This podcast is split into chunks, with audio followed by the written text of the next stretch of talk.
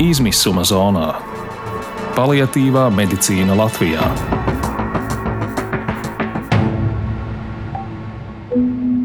Labdien, cienījamie radio klausītāji!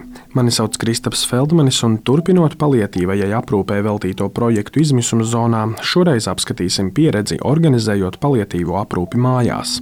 Šī stāsta galvenais varonis ir rakstnieks Andris Akmentiņš. Mēs to nemirkli nesaucām par palietīvo aprūpi. Jā. Mēs, protams, cerējām uz brīnumu. Andris dzīvo Ventspīlī. Uz turieni viņš pārvācās pēc sievas Ingūnas nāves pirms aptuveni desmit gadiem. Viņai bija kaula audzējs, un teju gadu Andris, konsultējoties ar mediķiem, pats organizēja palietīvo aprūpi viņai mājās. Viņš ļoti nopietni piegāja šim procesam un ir izveidojis speciālas tabulas ar rīcības plāniem, ko viņš pats sauc par skrejceļiem. Par palietīvās aprūpes sistēmas organizēšanu pašu spēkiem Andris uzsver, tāds pareizi vai nepareizi vispār nepastāv. Labāk tad tēmēt uz skaisti līdz pēdējam, vai izvēlēties jebkuru citu konceptu, galvenais cieņpilnu, jēgpilnu. Tas vēzis bija novēlots, novēlot atklāts. Viņš bija ļoti diezgan arī agresīvs. Mēs izgājām apstarošanu, kas tika nu, pārbliesta ar, ar, ar domu, ka nav ko daudz zaudēt. Faktiski mēs nonācām pie tā, ka nu, paralēli vēzim tev jācīnās ar uh, apgabumiem. Tad uh, skatījāmies, kā būs. Tā situācija bija pietiekami smaga visu laiku. Bet Šajā laikā dzīve kardināli mainījās. Būtībā es uh, aizgāju no darba.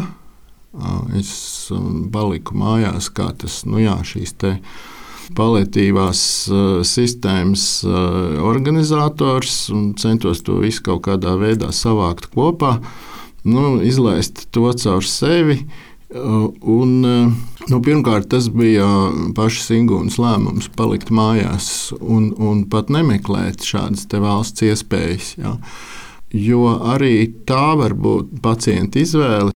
Skaisti, cieņpilni un galvenais kopā aizvadīt dzīves nogali. Tas bija galvenais, kādēļ Andris izlēma par labu palietīvās aprūpes sistēmas organizēšanai mājās. Nu, mēs tā nebijām protams, to tā plānojuši. Un, un vienkārši saproti, ka tas laiks ir tik ierobežots un eh, ka iepriekšējie gadi ir pavadīti diezgan lielā skrējienā. Un tā sajūta bija, ka mēs esam nu, tādā dzīves sākumā. Faktiski. Mēs jau tikko, nu, tagad vēl drusku pastrādāsim, kaut kāda dzīvokļa kredīta jāsamaksā. Un, un tad, nu, kaut kad, jā, tagad dzīvosim. Jā. Un visiem mēs gribam arī to labo stāstu kaut kādā mērā. Jā, un, jo tas labais stāsts var būt labs arī tad, ja, ja pacients mirst. Nu, kaut kas, nu, tu atrodi, tu esi bijis kopā, tu esi kaut ko tādā laikā paspējis. Jā. Pēc pieredzētā Andris ir pārliecināts, ka pacienta griba ir ļoti abstrakts un stiepjams jēdziens. Arī slimības gaitā tā pacienta attieksme stipri mainās. Piemēram, uzsākot kaut kādu ārstēšanos un, un kaut kādas darbības, pacientam ir viens viedoklis. Un tad brīdī pacients varbūt ir brašs un jūt sevī spēkus un domā arī par tādām lietām, piemēram, par stilu. Ja, kādā veidā es tagad slimošu un, piemēram, lepni paziņo, apsoli man nekādas papildus ierīces, nekādas tur. Ja, nu, ja tur sāk mākslīgā barošana, piemēram, kas arī ir smags process. Ja. Un pēkšņi kādā melnā brīdī, kādā pēdējā mēnesī, pēkšņi atskan jautājums, kur tad ir tā mākslīgā barošana. Un uh, tajā brīdī tu neteiksi, ai, nu, tu vispār apsolīji pirms diviem mēnešiem kaut ko vienkārši dzīvo līdzi ar to situāciju. Un, tāpēc tā pacienta griba ir, viņa ir maināms jēdziens atkarībā no situācijas. Ja. Lai vieglāk sekotu līdzi situācijai un spētu reaģēt uz neplānotām izmaiņām, Andris uz A1 formāta lapas ilgstoši veidojis un papildinājis dažādas tabulas ar rīcības mehānismiem, ko pats sauc par skrejceļiem. Tie ļoti palīdzējuši un tos atzinīgi vērtējuši arī ārsti tā informācijas plūsma rada palīdzību, rada ieteikumi, iespējamie risinājumi, savstarpēji pretrunīgi ieteikumi. Tas viss lika man beigās nonākt līdz um, tādai A1 formāta lapai, kur man bija uzrakstīti svarīgie skrejceļi. Skrejceļi bija apmēram 11. Nu, tas, tā bija tā mana paliatīvā sistēma. Un tas iegūms bija tāds, ka tādā veidā varēju atrast kaut kā pats orientēties arī to, ko es daru. Nesajūgt prātā. Bija šie skrejceļi, turklāt es atlasīju, kas ir tieši tie svarīgākie. Ja?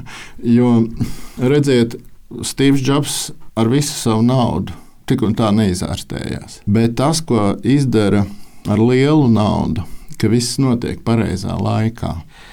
Šie skrejceļi Andrim arī bez šīs lielās naudas tomēr palīdzēja daudz precīzāk un strukturizētāk saprast, kas pēc kā ir jādara un kā, kam pievērst lielu uzmanību un kas ir tikai mierinājums, nereāla situācijas glābšana man pienāk kaut kāda jauna informācija vai kaut kāds jauns padoms, un tad brīdī es saprotu, kur man šajā skrejceļā jau ir. Es redzu, kur man ir mazāk padomu. Protams, man bija arī metafiziskais skrejceļš un tā. Arī mediķi, ar kuriem konsultējās Andris, ļoti atzinīgi vērtējuši to darbu, ko palietīvās aprūpes izpratnē viņš ieguldījis. To novērtējis arī ārsts palietīvās aprūpes speciālists Vilnis Sosārs. Nu, viena no jaukajām vizītēm man bija pie Sosāra. Es aizbraucu pie Sosāra parunāties. Un, uh, es domāju, ka tā tabula bija tas, kas viņu atvēra. Ja, jo nu, viņš tādu nebija redzējis. Neko. Tad viņš varēja arī ierakstīt jauku novēlējumu metafiziskajā sadaļā un, un uzklausīt mani jau. Nu, tā saruna mums jau bija tādā jau speciālistu līmenī, mazliet, jo es jau pāris mēnešus to biju jau lasījis, vi, nu, to, to, to visu pētījis un kaut kādā veidā grupējis. Un arī es sapratu to sasāru ziņu, ko viņš man gribēja nodot. Uh, viņš man vēlējās atņemt tādas liekās cerības, aprakstot to visu procesu, un kur tas ir un, un kā tas tagad būs tālāk. Un es to visu noklausījos, prasīju viņam, kur ir labā ziņa. Un viņam bija atbilde, un mēs to atbildi, ja mēs tur ierakstījām. Tā mm, arī pie šīs ja, labā ziņa ir, ir, ir tikai tā, ka tu esi izvēlējies šo, šo periodu pavadīt šādā veidā dzīves. Sazvanīts darba dienas steigā pats Vilnis Sosārs Latvijas radio skaidroja, ka šādu pierakstu veikšana patiešām var palīdzēt tuviniekiem sekot un izprast notiekošo. Citiem tā var kalpot kā palīdzība, tomēr tas ir ļoti atkarīgs no paša pacienta un tuviniekiem. Tāpat jāsaprot, ka arī katram palietīvā aprūpe jau ir citāda. Andrim bija saprotams viņa gadījums, tā specifika un daudz kam bija savi skrejceļi. Šeit piemērs. Man uzreiz visiem ieteiktajiem līdzekļiem ir savs kritērijs kas man tabulā ierakstīts, šķidrina asins, biezina asins. Ja tas šķidrina asins, piedodiet, padoms ļoti labs. Mēs meklējam, kas tur bija labs viņā, vai to es varu dabūt citā veidā, piemēram. Tā tad eh, nu, tās tādas smalka robeža, ja, ko tu vari saprast, ja tu eh, dzīvo ar to cilvēku kopā ka tu nevari tur teikt, nē, tev ir tās jādzer, vai, vai, vai, vai, vai tu vēl slepus, vai nedod Dievs kaut ko darīt. Ja? Ja, ka tur nu, ka var arī padoties ja, kaut kādā. Nu, tu esi spiests padoties. Ja, es jau arī tajā tabulā redzu, teiksim, pats, pats krasākais mūsu gadījumā, ja, es nedabūju tās kalorijas dienā. Nu, es viņas nevaru dabūt, tās kalorijas iekšā, uh, iebarot. Es nevaru. Un es redzu, kā tas sāk kristies. Un, un, nu, es, protams, ķeru, bet um, tas ir tikai uh, koncentrēts veids, kā ieraudzīt to, kas ar mums notiek ar visiem katru dienu. Halo. Andra pieredzē ļoti svarīga bijusi informācijas dalīšana un vērtēšana, jo tās bijis ļoti daudz. Es ievēroju, ka Latvijas informācija mani kaitina ar savu liekvārdību. Tad, lai atrastu kaut ko par medicīnu, tev vispirms ir jāuzzina nu, teksta blāķi kaut kādi, kas, ne, nu, kas būtībā stāsta par to, cik labi un pareizi viss notiek. Nu, protams, tas arī ir placebo, un tā var būt, bet uh, tad es atradu, nu, ka kaut kur štatos par šīm lietām nu, tomēr ir piktogramma un precīzo teikumu līmenis. Ja, tas ir nu, bez mežģīnēm, var sakot. Tā, tā, tā. Ja, ka būtībā pacientam šos skrejceļus manā tabulā, kurus es, kurus varbūt būvēju trīs mēnešus, ja, ka tās gatavās formas viņas varētu būt.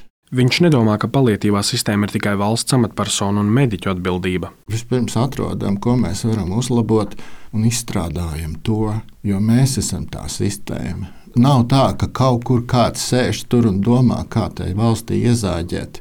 Nu, ir jau varbūt, bet tā tu nevari domāt. Tāpēc mans piedāvājums visticamāk ir tādi pozitīvi. Piemēram, es tiešām iedomājos, ka ļoti daudziem cilvēkiem pēc tam, kad viņi ir bijuši pie ģimenes ārsta, izgājuši onkoloģijas apli, vēl kaut ko, viņiem ir starpstadija. To arī var nosaukt par izmisuma zonu. Respektīvi, vēlreiz kādam cilvēcīgā valodā pastāstīt, kas tas ir tagad. Un man liekas, ka tie varētu būt šie pensionētie onkologi. Nu, viņi labi nostādītās balsīs mums zvana tiešajā mārketingā un piedāvā kaut kādas uh, idiotiskas uzturbagātinātājas, bet viņi varētu šito labāk darīt. Andris Akmentiņš pēc sievas nāves, balstoties šajos iepriekš minētajos skrejceļos, sācis rakstīt grāmatu par palietīvo aprūpi. Tomēr viņš saprata, ka par šo tēmu nevar rakstīt viena autora grāmatu, jo pieredzes ir tik ļoti atšķirīgas, ka tā būtu jāraksta autoru kolektīvam. Viņš atminas vienu ļoti spilgtu gadījumu, kas iezīmē šo atšķirīgo slimības periodu uztveri. Pēkšņi parādās pie starošanas kabinets un staru terapijas kabinets, un parādās kaut kāda kundze, kura saka, nu, Nu, ko jūs tādi, tādi skumīgi, pozitīvāk, vai pozitīvāk? Vai? Es nezinu, viņa, bija, uh, viņa nebija mediķa, jā, bet viņai bija kaut kāds tāds nu, priecīgs. Tā. Alīga un tā pagriežās, un kā tev deguna kāla stiprība? un Nu, Vārds sakot, jā, ka tie, mm, tie teksti, kas kādu varbūt uzmundrina, jā, viņi otru varbūt tieši trācina. Un, nu, tur nebūs tāda sistēma. Tas ir tad, ja mums ir lūk, šitā mēs darām. Tad mums ir sistēma. Jā. Bet šeit ir ļoti cilvēcīga tā pieeja. Andra sarakstīta grāmata par pieredzi palietīvā aprūpē vismaz tuvākajā laikā neiznāks, bet pēc tam, kad kopā tika aizvadīts Ingūnas dzīves noslēgums, pēc viņas aiziešanas, pēc palietīvās aprūpes organizēšanas, ko pats Andris sauc par projektu, viņš radīja ko paliekošu sievas piemiņai. Un, nu, es, eh, es pabeidzu šo projektu. Es atvainojos jā, par šo vārdu projekts, bet um, es pabeidzu šo projektu izdodot Ingūnas ceļoļu grāmatu. Un, un tīri tikai dzējoļi, man likās, ka man ir tāda vīzija, kā, kādai tai grāmatai jābūt tīrai, baltai, tikai dzējoļi ar domu, ka nu, gan jau akadēmiski kāds pieķersies un, un, un izdarīs to, to labāk, vairāk un, un tā tālāk. Šo posmu Andris salīdzināja ar projektu, jo tā pierasts daudzus gadus strādājot reklāmas jomā. Tā ir vieglāk visu struktūrizēt, spēt reaģēt uz izmaiņām, un, kas ir nemazāk svarīgi, projekta jēdziens Andrim ļāvis funkcionālo daļu atdalīt no emocijām. Tās nevarot laist klāt, jo traucē, tomēr tās nevar arī krāt. Citēju, labāk reizi nedēļā piecas minūtes kliegt uz jūru, nekā reizi nedēļā piedzerties līdz rītam, simboliski sakot. Šo projekta izmisuma zonā raidījumu veidoju es, Kristaps Feldmanis, bet par labskaņu rūpējās Krišjāns Stikāns. Izmisuma zonā - paliatīvā medicīna Latvijā.